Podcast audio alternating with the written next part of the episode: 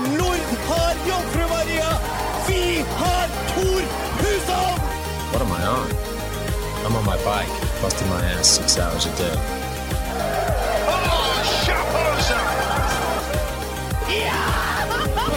Vi eier sykkelverden! Velkommen til en ny episode av Sykkelsirkuset. Dette er episode tre i en relativt ny podkast som tar for seg alt innenfor sykkel og landevei i de største rittene vi har på sykkelkalenderen. Og de to siste ukene, for et sirkus vi har hatt om. Det har vært så sinnssykt mye dramatikk, og det har skjedd så mye på de eh, to ukene. Toren begynte jo egentlig som et eneste stort slaktehus i Bretagne. Eh, og eh, favorittene røk jo ut én etter én. Og det er jo det, ja, jeg, vet- ikke egentlig hvor vi skal begynne, for jeg føler nesten jeg er nesten, jeg er nesten utslitt etter to uker. Ja, Vi kan jo ta en sånn liten oppsummering med hva som har vært veldig unikt for årets tour. Eh, og når vi spiller denne podkasten, så har det jo vært da 17 etapper. Eh, og fem av etappene har endt med massespurt.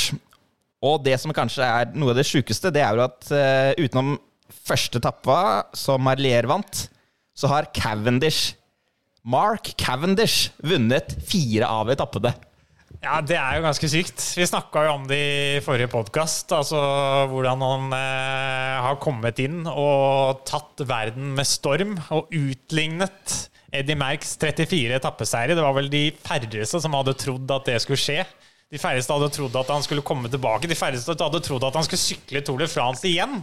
Og nå har han fortsatt to spurtetapper igjen, hvor han kan eh, gå forbi Eddie Marks og eh, knuse rekorden hans. Ja, og Klarer han å overleve fjellene, så er det jo få, så få gode spurter igjen at han sannsynligvis kommer til å klare det. Og han har jo et enormt lag rundt seg som eh, drar han oppover de bratteste fjellskrentene, så det er jo ganske store sannsynligheter for at han skal klare det nå. Ja, det er, det er helt vilt. Så vi tar av satten for uh, cab for Chapeau. en eh, idrettsmann. Hvis du ser på de han har bak seg på, på lista, da, så er det storheter som uh, Hinault, Anketil, uh, Mertens. Men hvis du tenker litt sånn mer eh, i moderne tid, da, så må du helt ned på 14. Altså du har Kittel på 14 etappeseiere. Hvis du tenker i moderne tid, så har du Cipollini på 12, Sagan 12, Greipel 11, og så har du vår egen hushold på 10. Nei, det er helt, nei, altså, man kan jo si at uh, han, ja, han har et godt lag rundt seg. Han blir satt opp i spurtene. Han kan, skal bare avslutte de siste 500 meterne. Og der, der er han jo helt legendarisk god. Er jo, han er jo et uh, unikum. Og selv om det kanskje er Det var en del uh, spurtere som ikke er med i årets Tour de France, og det er liksom masse marginer her, da. Det er en enorm timing han har, har hatt for, å klare dette. da. Det er jo det. Og det er jo kanskje Det er litt sånn eh, stikkord i årets Tour de France. For jeg føler det har liksom vært utrolig masse tilfeldigheter som gjør at uh, både Cab tar denne rekorden. Men hvis du ser på sammendraget, hvis du ser på Vingegård Vingegård, fantastisk. Vår nye danske kjæledegge. Vår nye danske kjæledegge. Så han skulle jo ikke egentlig være med i Tour de France i det hele tatt. Hvis Dumoulin, Tom de Dumoulin hadde bestemt seg for å ta en pause fra sykling fordi han var lei, rett og slett. Han måtte ha et eh, sabbatsår. Eh, og da kunne jo ikke han være med. Og da eh, Men Wingegård skulle jo egentlig også være hjelperytter for Roglic.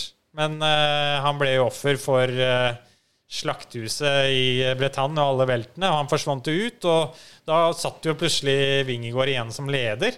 Det er så utrolig mange små marginer her da, som gjør at eh, både Vingegaard og Cav eh, har kunnet eh, kjempe om heder og ære. Så eh, i tillegg til disse fem spurtetappene, så har vi hatt ti etapper med soloseiere. Altså det har vært ti brudd hvor det har gått én mann fra bruddet og vunnet etappen. Det er også ganske unikt. Ja, og så er det jo Lagene har jo ikke klart å kontrollere noe. Det har jo vært et eneste stort kaos hvor det har vært eh, brudd ja, nesten hver dag.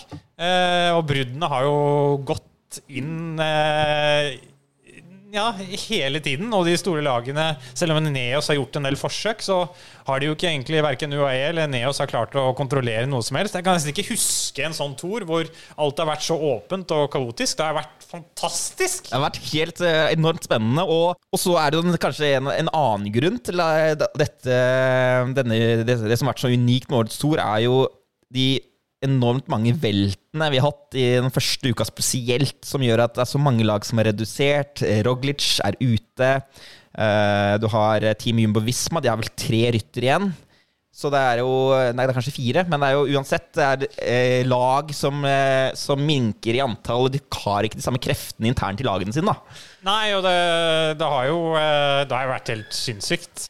Nå ble vel eh, denne tilskueren, som eh, nesten på egen hånd tok ut hele feltet, hun ble jo ettersøkt i Frankrike. Skulle bare sende en hyggelig hilsen til eh, morfar og mormor, var ikke det? Jo, det, det, ble kanskje ikke, det ble kanskje ikke så veldig hyggelig, men eh, eh, Nei, det har jo vært helt uh, sinnssykt, og det har jo liksom endra alt, egentlig, da, med alle samlagsfavorittene som har røket ut én etter én.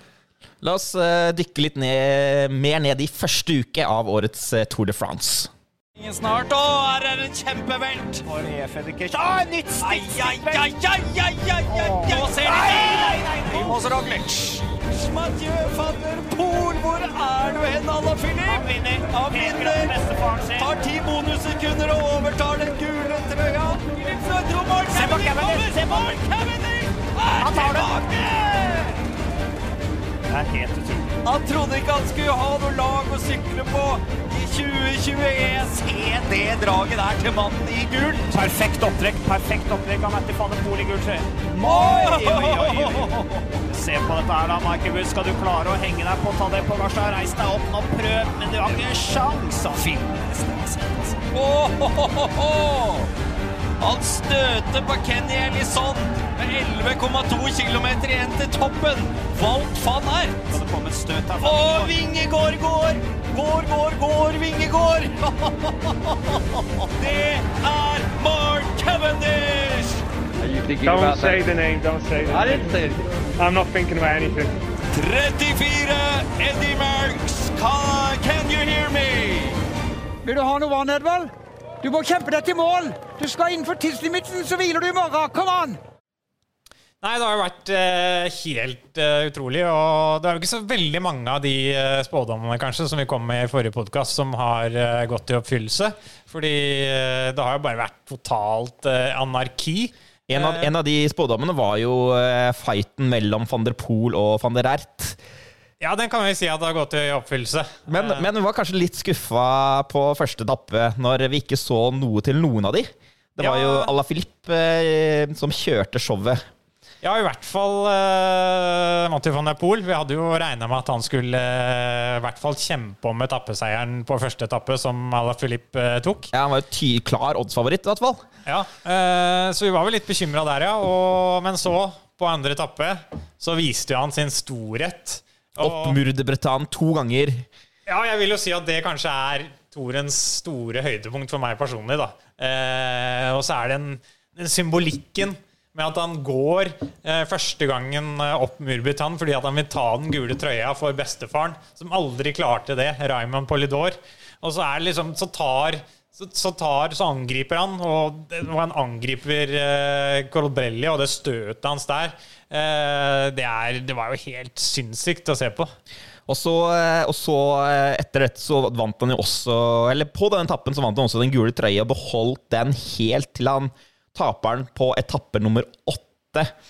Eh, og da bryter han jo også, så da er det jo ikke noe poeng å beholde den lenger. Men han eh, ville jo da forberede seg til mountainbike-deltakelsen i OL. Ja, det er jo kommet det inn. Altså, han har jo andre ting på agendaen, så Han har jo mountainbike, eh, eh, motocross, eh, cyclocross, eh, alt Ja, på to hjul, det virker det som. eh, ikke driver med. ja, det er helt enormt. Så, og eh, bestefaren hans klarte jo aldri å ta den gule trøya, men faren hans hadde jo den gule trøya, så det er faktisk den første eh, far og sønn som har hatt gul, trøye, gul trøye i Tour de France. For en sykkelfamilie. Ja, det er jo eh, Det er vel ikke Det finnes vel nesten ikke noen som har sykla i den familien. Altså bestefaren, den evige toer, som det har vært mye snakk om, Raymond Polidor. Og så er det jo eh, faren hans eh, hadde jo også etappeseier i Tour de France. Og hadde han faktisk en onkel også, som eh, var profesjonell syklist, men han deltok aldri i Tour de France. Nei. Kanskje han deltok i motocross eller cyclocross eller noe annet. Ja, det kan være. Det må jo være Han må ha fått genene fra Ja. et sted, i hvert fall. Det er sant. Og han har Nå på tempoetappa var vi kanskje litt sånn usikre på egenskapene hans. Eh, og han har aldri eid en temposykkel. Ja, det er jo helt sykt. Og likevel så kommer han på femteplass på den femte etappa. Ja, det, og han fikk uh, Ryktene skal ha det at han fikk levert noen superhjul som ble sendt fra USA kvelden før. Eh, og at han jobbet med tempostillingen sin helt til midnatt. Når de andre rytterne kanskje lå på hotellrommet og slappa av. Så eh, drev han og tvika og holdt på med tempostillingen for å få den best mulig til eh, etappen etterpå. Da. Og det gikk jo Du kan jo si at det gikk ganske bra. Suksess, kan vi kalle det det. ja. Eh, og tenk deg hvis han hadde trent på en temposykkel, hvis han eide en temposykkel og han faktisk hadde satsa på det, så, så kunne han jo altså han, han kunne jo vunnet den etappen, mener jeg, da.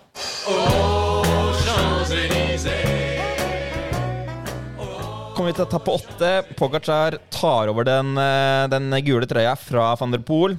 Um, så må vi bare snakke litt om etappe 11. Den legendariske etappen vi prata om i forrige episode. To ganger opp Mont Ventoux. Vi hadde forventa sterke klatrere. Eh, noen av de beste klatrerne i verden skulle kjempe om seieren opp de to fjellene. Og så ser vi Wout van Ert. Ja, det er jo helt sinnssykt. Vi hadde jo eh, Vi hadde vel en spådom at det skulle bli tidenes Tour de France-etappe, og det var, jo ikke, det var jo ikke veldig langt unna. Det var ikke så veldig langt unna. Nei. Og han er jo Vi snakka også om uh, van Ert, hvor, hvor, hvor, um, hvor hva slags type syklist han er. At han kan vinne nesten alt utenom fjelletapper, sa vi. Ja. Men, eh, men nå må vi kanskje trekke oss litt på det, på det vi sa Jeg da. tror vi må moderere oss litt der, altså. Ja. Fordi eh, mannen er jo en eh, maskin uten like. Og vi skal ikke glemme at han er jo godt over eh, 75 eh, kilo. Og Elisonde, som også var i bruddet, som han eh, distanserte. Han er jo en liten mygg på 60 kilo. Og det var jo bare Asta la vista. Elisonde, og han bare fløy oppover eh, Mount 2. Det var Nei, absolutt et av høydepunktene i årets Tour de France. Så er det liksom noe med at eh, det var jo nesten ikke Vi kunne jo aldri sett for oss noe sånt for ti år siden. At noe sånt kunne skje. At en rytter på 75 kilo pluss kunne vinne opp til Mont Ja. Ventoux. Det er jo helt sinnssykt. Må du ikke glemme Tor Hushovd. Ja, det er sant. Det er sant. Miraklet i Lourdes. Miraklet. Men utover det så hadde Miraklet på Montven 2. Ikke sant? Volt van Ert for en eh, idrettsmann. Og vi snakket jo om at denne duellen eh, kunne gi en di ny dimensjon til eh, Tour de France, når vi kanskje ikke hadde så mange nordmenn som kunne hevde seg. Mm. Eh, og vi kan vel konkludere med at eh, det har den gjort, da. Og I tillegg til det så har vi jo disse flere etappene som igjen har endt i bruddseier. Ti av uh, typen uh, soloseiere. Uh, og en av de var jo da etappe ni til Tign, hvor Ben O'Connor går i, i brudd. Og klatrer opp til en andreplass på sammenlagtlista. Fordi igjen, eh, de klarer ikke å kontrollere det i hovedfeltet. Nei, hvem er Ben O'Connor? spurte kanskje mange seg. Det hørtes ut som en sånn irsk eh, pubsanger. Ikke sant? Men, Litt sånn coverlåter ja. fra 90-tallet. Ja, jeg må jo innrømme at eh, før sesongen så hadde jeg knapt hørt om han. Og jeg følger jo sykkel ganske tett, så det var jo en helt eh, vanvittig prestasjon. Eh, det var jo ganske dårlig vær den dagen òg. Og Higita og Quintana, disse klatrespesialistene fra Colombia, starta jo showet, men eh, de eh, forsvant jo bare. Og Connor fløy jo opp både i sammendraget og siste stigning. Han lå jo på en soleklar andreplass, to minutter bak Pogacar, men det var vel tre minutter for, før Uran på en treplass. Så han var jo, han var jo på en måte Han var på en måte langt over det, de forventningene som var satt for eh, O'Connor før rittet starta. Og så var det jo en ja, så føler jeg det er sånn som du, vi så på 90-tallet. Altså, det var liksom sånn som eh, Floyd eh, Landis eh, gjorde. Men han er klart han hadde jo ikke helt rent mel i Nei. posen. Da. Så det er fantastisk at vi kan få se sånne prestasjoner og sånne bruddforsøk gå inn. da. Og så må vi bare nevne på den samme etappe en, eh, Når vi snakker om spurtere som er gode i fjellet Så Nicole Brelli på en tredjeplass. Eh, Ja, Det er litt sånn Lord-moment der, da. Bortsett fra at da var det ikke nedover på slutten. Da var det faktisk målgang på toppen. Ja. Det er jo eh, Jeg skal ikke, jeg skal ikke spekulere for mye, men det er klart at en eh, spurter kan vinne en sånn etappe. Det er mange som hevder at det er litt mistenkelig, da. Men Bahrain eh, har jo gjort, eh, gjort det skarpt i årets eh, Tour de France, og særlig i fjellene. Men det er klart det har vært litt sånn rykter rundt diverse aktører i støtteapparatet der, da. Men vi får vel si at de er uskyldige til det motsatte er bevist, eller hva? Vi kan si det, men, eh, men eh, vi har jo skjønt at det ikke alltid er riktig, det heller. Så eh, ja, det er vanskelig å, vanskelig å dykke ned og prøve å anklage først før de har blitt dømt. Så Det er sant, det. vi, får vel eh, Sonny Colbrelli. Det er jo sånn Du får ikke mer mafianavn enn Sonny Colbrelli.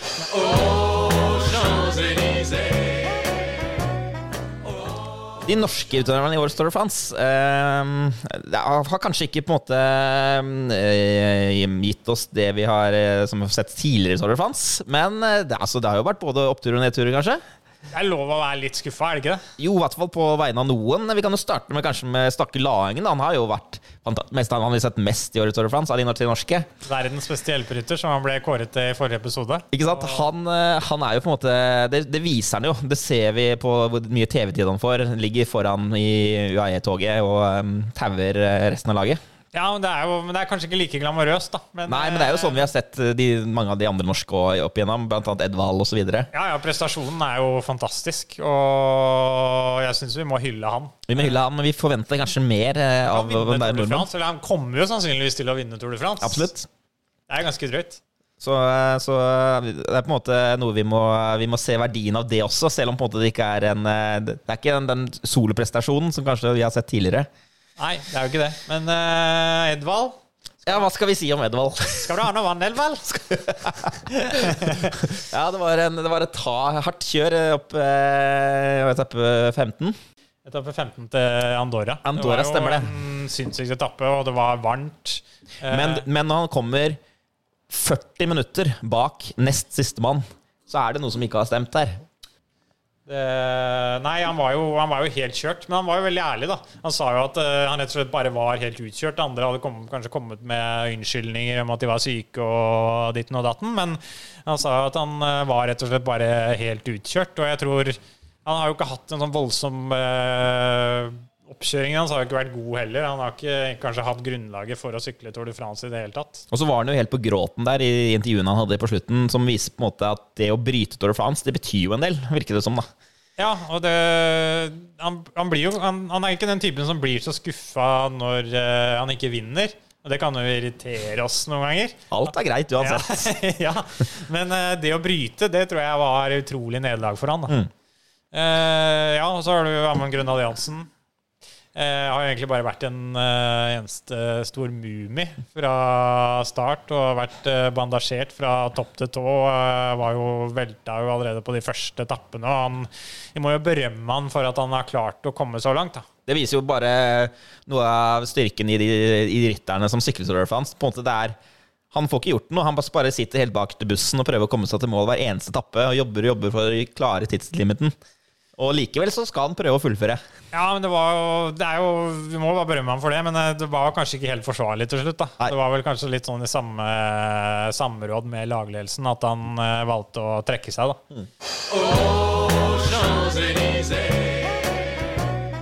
Men jeg har lyst til å snu dette litt. Vi har hatt, uh, vi har hatt Vegard Stake Lahangen, som har gjort det utrolig bra. Vi har to nordmenn som har uh, skuffa litt. Men min påstand er at Norges beste sykkelryttere de var ikke med i årets Tour de France. Eh, Hvor var de? ja, hvor var de? Eh, vi har utrolig mange ryttere for fremtiden. Eh, vi har en eh, Leknesund eh, som jeg tror vi kommer til å se i Tour de France eh, i årene som kommer. Og vi har Altså, Edvald var jo langt nede i NM, og han ble jo helt distansert av eh, Uno X. Vi må jo nevne Uno X. Det er jo snakk om at eh, de kan bli et World Tour-lag, og vi kan jo få et norsk lag i Tour de France. Det hadde vært helt sinnssykt. Og allerede 24. juli så får vi jo se litt hva det ligger i disse unge guttene når de skal representere Norge i landeveissykling OL. Og Tobias Foss, kan han kanskje Kanskje vi får se litt, eh, litt hva han kan eh, gjøre for noe? Ja, og så har du Halland Johansen også, en av disse klatretalentene. Altså, vi, har, vi begynner å få opp klatrere en masse. Og fjellandet Norge, endelig så har vi de. Hva. Danmark de har jo ikke de har et eh, himmelbjerg på 180 meter. Hvor er hvor er, hvor er det de, har, hvor er de har fått alle klatrerne sine fra? Nei, eh, de har mye kjørestyrke, da. Eh, Det er mye sidevind, mye motvind. Ja, men nei, vi har Halland Johansen som skal delta i OL nå. Eh, og vi har jo Uno X har jo et kobbel av talenter, og måten de har kjørt på i år eh, Du har hatt ryttere som eh, Rasmus Tiller, som har vært vanvittig god, og de har så utrolig mange talenter. Og det er jo helt sinnssykt. Vi kan få et norsk lag i Tour de France kanskje om to år. Eh, men kanskje allerede, det er kanskje et langskudd, men allerede neste år, når Tour de France starter i Danmark, i København, så kan vi få et norsk World Tour-lag, eller i hvert fall et norsk lag på start. Kanskje et lite wildcard der? Ja, det kan skje. Altså, det er kanskje et langskudd, men i hvert fall om to år så kan vi håpe på det. da. Det virker jo som at disse norske rytterne som har vært ute i Europa, de kommer tilbake til Norge for å sykle på Uno X, for de føler seg mer hjemme, de føler seg mer komfortable og har bedre kameratskap der, da, som gjør at de presterer bedre. Ja, de gjør det, og det er jo rykter om Edvald, da, at han også skal til uh, Uno X. Uh, Det hadde kanskje vært, uh, vært fint å liksom få en sånn restart på karrieren hans. Ja, det hadde det. Det har også vært rykter om eh, Kristoff. Men det er klart det samarbeidet mellom Edvald og Kristoff Det har jo aldri funka Det har vi sett tidligere ikke har funka så bra, ja. Eh, litt sånn eh, i land nede i Midtøsten så har det gått litt eh, på tverke, så det er kanskje like greit at eh, Det er kanskje bare plass til én av de. Men allikevel så har jo det laget så mye talent at eh, jeg, Hvis du sammenligner med Direct Energy, da, eh, og disse franske lagene som, de, de, de klarer jo ikke å få ryttere med i, i brudd, og det, er jo, det virker som det liksom bare er surr. Edvald har jo snakket om at uh, han ikke har ikke har vært noe lagmøte, og at han ikke egentlig har fått med seg hva som har skjedd, og det er språkforvirring. og altså, Jeg tror Uno X kunne gjort en ti ganger bedre jobb hvis de hadde fått et wildcard eh, kontra disse små franske lagene. Da. Eh, jeg syns vi skal være positive, og så er det viktig å huske på det når dere legger dere i natt, at eh, våre beste menn var ikke med i Tour de France i år. Utenom Gabba. Det er sant, men han har kanskje ikke, kanskje ikke hatt sin beste Tour de France, han heller.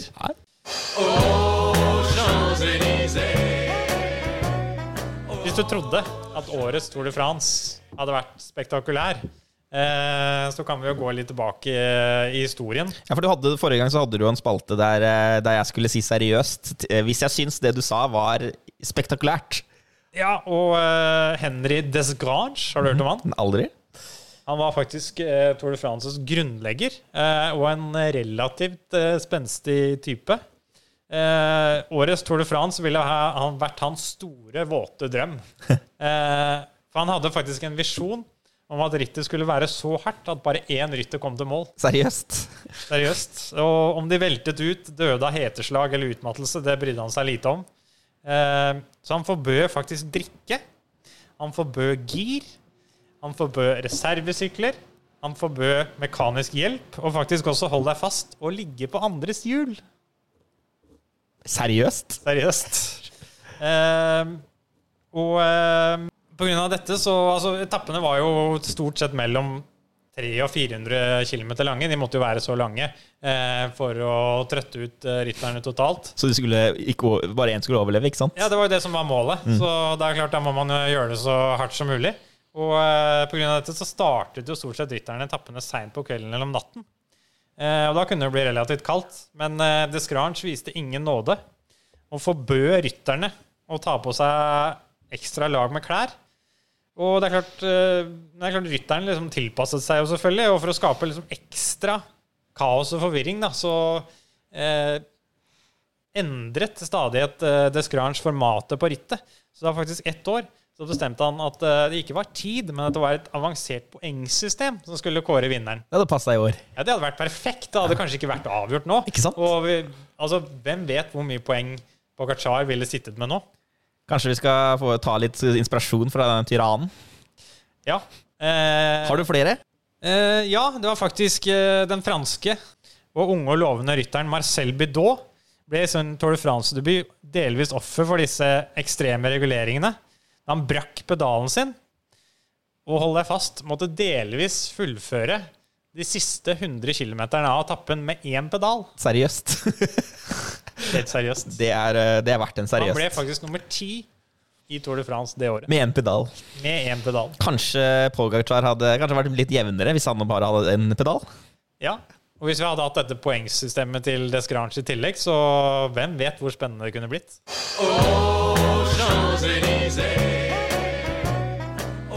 En siste ting vi har pratet om, eh, Tom, det er verdens beste klatrer, Pogacar.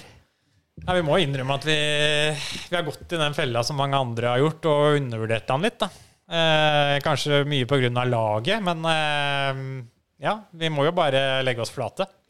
I fjor så hadde han jo litt konkurranse mot, uh, mot uh, Roglic. Han forsvant jo ut uh, ganske tidlig. Så nå er han jo aleine igjen, fem minutter foran uh, Vingegård. Ja, altså, vi, vi må jo være ærlige. Altså, det, vel, det må jo nesten en uh, velt eller en, uh, en ulykke til for Ja, ja. at man ikke skal ta det her. Ja. Og, og eh, på disse mm, Siden han er så overlegen, da, så kommer ryktene. Med dopingryktene. Bare på hviledagen, ikke sant, så kommer Det berømte spøkelset. presset fra journalister. Arven etter Lance. Arven etter Lance. Takk, Lance. Men så Nei, ikke kommer takk. eh, eh, Ikke takk. Ikke takk. Nei takk, Lance. Så kommer journalistene, kommer spørsmålene, kommer presset. Er, du, er den dopa? Er det noe, noe, noe eh, blant dette med at han ikke vil opp i wattdata? At han ikke eh, liksom, eh, Det han sier, da, er ikke, det er ikke alltid like overbevisende på en måte at han tar den avstanden som han ikke sett andre ryttere gjøre før. Han, vil, han sier blant annet at, eh, at han eh, Han har aldri testet positivt, men den settinga har vi hørt før eh, et par ganger.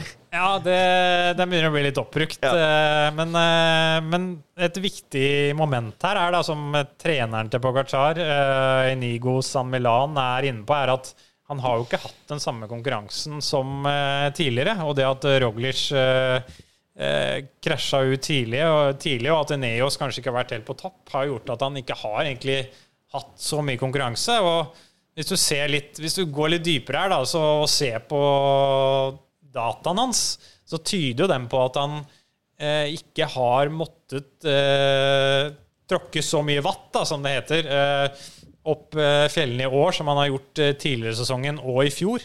Og treneren hans eh, hevder jo faktisk at både på etappe 8 og 9 så ga han rett og slett ikke alt. Det er jo Det er nesten litt vanskelig å tro på. Og han sitter og smiler oppover bakkene som at liksom det er det gøyeste han holder på med. Ja, han gjør jo det. Det virker som at det bare er en uh, treningstur. da. Mm. Og jeg har jo gravd litt i wattdataen hans. Jo, Selv om det er bare Det er ikke den reelle wattdataen. Nei, det er jo bare estimert. Og for de som ikke vet hva dette er, så er det rett og slett hvor mye kraft rytterne tråkker ut uh, i løpet av en eh, etappe. Og det tyder jo på at han har vært mer i kjelleren eh, tidligere, da. Mm. Og du ser på en måte på, på, eh, på distansen mellom første- og tredjeplassen i fjorårets Tour de France også. Så er det jo tre og et halvt minutt ned til tredjeplassen og fem minutter ned til, fjerdeplassen. Så det er bare Roglic som har minuttet unna, som han tapte bare på siste etappen i, i tempoetappen i fjor. Så det viser jo at måte, hadde Roglic vært der, så hadde det kanskje ikke vært den der distansen på fem minutter. Og det er kanskje det som gjør det ekstra unikt. da At han er såpass overlegen alle andre. Ja, det er jo det. Og uh, treneren hans prater jo også om at han har liksom en unik evne til å restituere seg. da. Mm. Altså Selv om Slovenia har, vært, eh, har en dyster dopingfortid og har, vært, uh, har en del ryttere som har blitt tatt og vært innblanda i noe, så er det liksom ikke Altså Pogacar har vært på et høyt nivå helt siden han var 14-15 år. Det er ikke liksom noe nytt. Nei, han har vært god eh, hele karrieren. Da. Mm. Jeg faktisk eh, gikk tilbake på Strava og så på turene hans, eh, løktene hans, fra han var 15-16 år. Og allerede da så var han jo bedre enn norske eh, amatørsyklister som eh, tror de er gode på Strava. Mm, det Mm. er ganske sinnssykt. Ja. Mm. Men nå skal det sies at de, de kanskje har eh, vært litt bedre enn mange hadde trodd. da. Ja. Så selv om, selv om kanskje førsteplassen er avgjort, så er det fortsatt spenning på pallen og eh, mye annet å se fram til den siste uka. da. Før vi avslutter, hvilken ting er det du gleder deg til eh, neste uke, Tom? Nei, altså Selv om det kanskje er litt avgjort, som vi har snakket om, så er det Det, er jo, det blir jo utrolig spennende om Cav klarer å ta rekorden til uh, De Merckx. Absolutt. Om han klarer å ta sin 35. etappeseier. Han har to på- sjanser.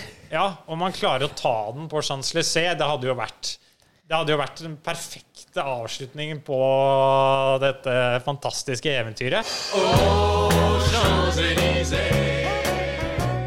Og så blir det jo også da utrolig spennende med vår nye danske kjæledegge Jonas eh, Wingegård. Kan vi få en dansk syklist på pallen i Tour de France? Det er jo fantastisk eh, spennende å se. Han er jo, han er jo på en måte en slags favoritt nå til andreplassen, vil jeg si, når du har, eh, når du har tempoen på eh, etappe 20. Hvor han sannsynligvis da kommer til å kjempe om andreplassen mot Carapaz. Og han er jo overlegen på tempo, eh, kan man vel si. Ja, eh, han er jo det, så Så alt ligger til rette da, for Det er at det. dansken skal ta andreplassen. Ja, det hadde vært et eventyr, det òg. Eh, Wingegård, som faktisk jobba på en lokal fiskefabrikk bare for noen år siden. Og han har jo faktisk bare vært profesjonell, sykkel, profesjonell sykkelrytter i to år. Eh, og han ble faktisk oppdaga etter at han satte en Strava-rekord opp Colly Rates. Så temmelig fantastisk eventyr, det òg. Yes, jeg tror vi avslutter eh, det for denne gang. Håper du likte podkasten. Vi kommer tilbake allerede kanskje rett etter Tour de France, hvis vi får til det. Så får du en liten oppsummering. Det gjør vi. Vi eh, gleder oss til å følge de siste etappene, og tusen takk for oss.